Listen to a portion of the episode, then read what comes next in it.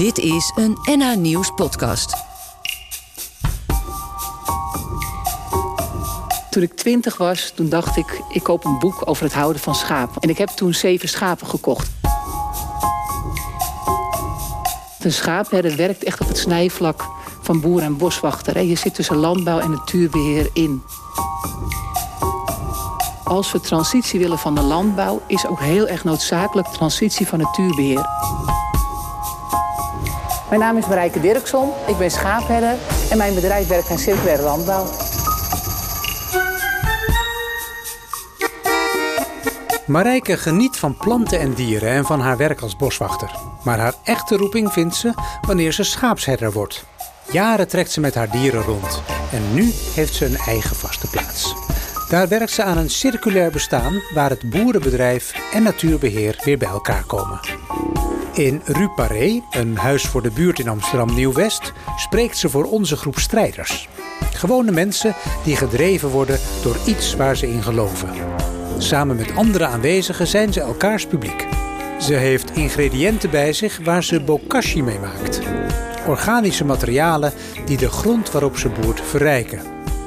Ze liggen uitgestald op de sokkel naast haar, naast de vacht van haar eerste lam.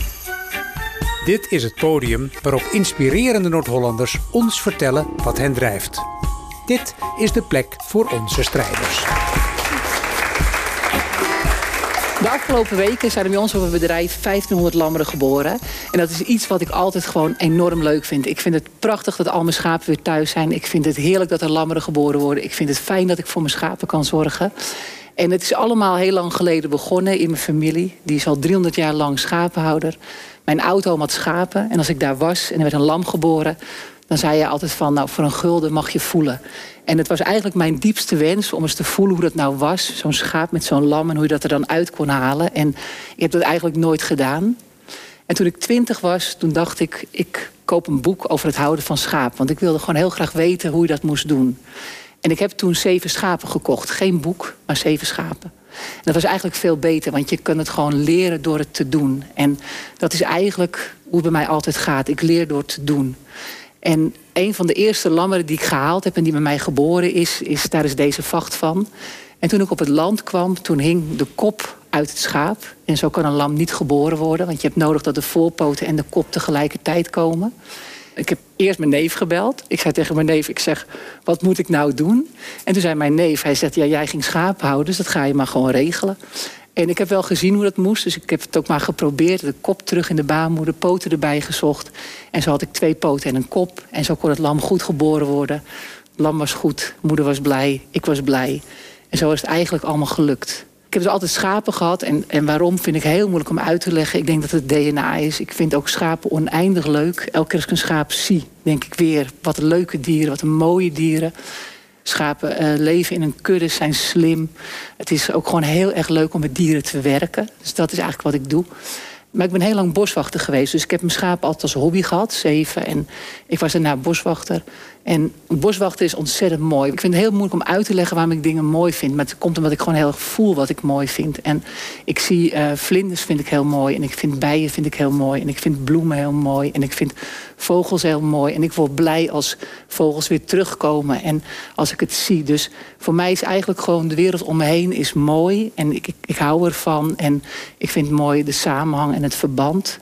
Maar toen ik boswachter was, toen heeft het me ook heel erg verbaasd van hoe groot het verschil was tussen natuur en landbouw. vroeger was een boer automatisch ook iemand die natuur maakte. Want we konden het landschap gebruiken en benutten. En daarin was altijd een balans, waardoor boeren eigenlijk ook automatisch natuur maakten. graslanden hadden 50 soorten. Um, het, was, het was gewoon uh, mooi in balans. En na de Tweede Wereldoorlog wouden we nooit meer honger hebben. En kregen we een hele efficiënte landbouw. En daardoor kwam er ook een hele grote kloof tussen landbouw en natuurbeheer. Het werden twee verschillende dingen. En dat heeft me eigenlijk als boswachter heel erg verbaasd. Toen ik boswachter was, toen werd er ook een schaapskooi gebouwd in Bergen. Het voelde zo natuurlijk om daar te gaan werken, om schaapherder te worden. Want een schaapherder werkt echt op het snijvlak van boer en boswachter. Je zit tussen landbouw en natuurbeheer in. En ook dat ben ik gewoon gaan doen. Ik heb me aangesloten bij een netwerk van andere herders. En ik heb kennis en informatie gekregen. En we hebben 250 schapen gekocht en 150 erbij en nog eens 200 en alles laten lammeren. En al heel snel hadden we duizend schapen aan het werk.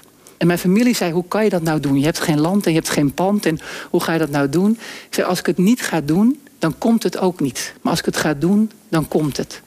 En we hebben eigenlijk tien jaar lang als herder hebben we letterlijk gezworven. We hebben stallen gehuurd en, en met kinderen in stallen geslapen, in schaftketen, in zeecontainers. En op die manier altijd gezorgd dat onze dieren onder dak waren. En dat we op die manier ook gewoon ons vak konden uitoefenen. Inmiddels hebben we een eigen boerderij en die staat in Burgerbrug. En ik moet eigenlijk zelf leren om boer te zijn. Dat is hartstikke fijn, want daardoor kan ik ook een andere manier van boeren uh, doen en toepassen. En een van de dingen die je hier ook ziet, is eigenlijk bokashi. En bokashi is een goed gefermenteerd materiaal. En het is CO2-neutraal omzetten van mest. En als je dat terugbrengt op de bodem, dan krijg je een beter waterdragend vermogen van je bodem. Je krijgt meer bodemleven. En eigenlijk zijn we heel lang vergeten om onze bodem te voeden. We hebben altijd geoogst. En we hebben eigenlijk nooit zoveel teruggedaan voor onze bodem. Of misschien niet het goede teruggedaan voor onze bodem. En het in balans weer terugwerken, met je omgeving werken dat maakt dat ook weer die landbouw en die natuur samenkomen. Dus dat is voor mij een heel belangrijk doel. En ik hou niet zo erg van natuur, inclusief landbouw. Er vind ik nog steeds te veel afstand tussen allebei. Ik vind eigenlijk dat het landschap benutten en gebruiken zodat je automatisch weer natuur maakt. Dat is eigenlijk waar schaapherders uh, horen te zijn. En wat we ook doen is bijvoorbeeld pitrus. Dat is een plant die groeit in de polders waar we eigenlijk niet zoveel mee kunnen. Die pitrus die winnen we, die drogen we en daarmee krijg je eigenlijk een heel mooi stalstrooiselmateriaal. Dus hoeven geen stro uit Frankrijk meer in te kopen. En in onze stal doen we eerst een laag wol. Want helaas is de wol niks meer waard. En er gaan schepen wol vanuit Europa naar China en vanuit Australië weer terug naar Nederland. En dat is ongelooflijk zonde. Dus wat we nu doen is onze wol zeg maar weer gewoon thuis houden. Die gaat als eerste laag in de stal. Daaroverheen gaat dan de pitrus, de schapen poepen. En op die manier doen we dat samen met microbacteriën, maken we daar bokashi van. En die bokashi gaat weer terug over onze percelen. En we zijn nu begonnen met het inzaaien van een aantal uh, stukken.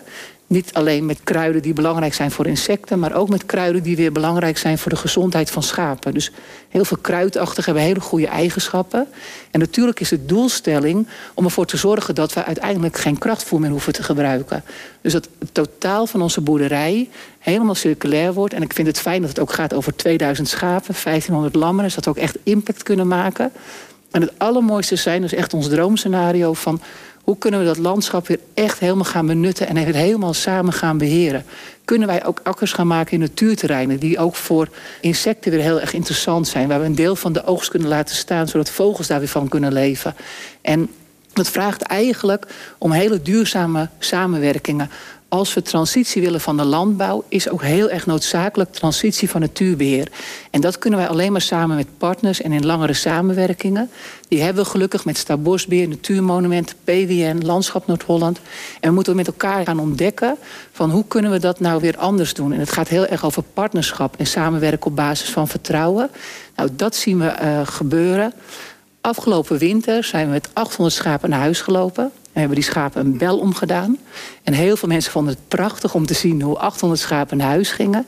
En ze vroegen aan ons van waarom hebben ze een bel om? En wij zeiden omdat het bijna kerst is.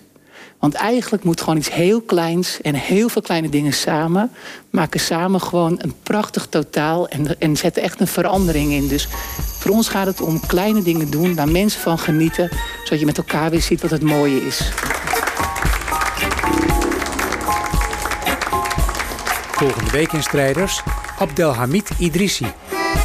De eerste studiedag, ik heb daar een maand niet voor geslapen. Heel veel stress, omdat ik niet wist hoe kom ik nou uit Amsterdam Nieuw-West naar het Amstelstation. Toen dacht ik dat mijn wereld instort en dat iedereen het ook meemaakt. Ik vond het toen al interessant, wat maakt nou dat je uitvalt? Want ik weet zeker dat elke moeder, elke vader wil het beste voor zijn of haar kind. We zijn pas tevreden als het kind dus fijn slaapt en eigenlijk zegt, ik heb je niet meer nodig. Ik kan het nu alleen aan. Die strijd tegen kansenongelijkheid en als doel heeft dat opgroeiende kinderen iedere avond kunnen gaan slapen zonder zich zorgen te maken over hun opleiding en toekomst. Dit was een NA Nieuws podcast. Voor meer, ga naar nanieuws.nl slash media of de NA Nieuws app.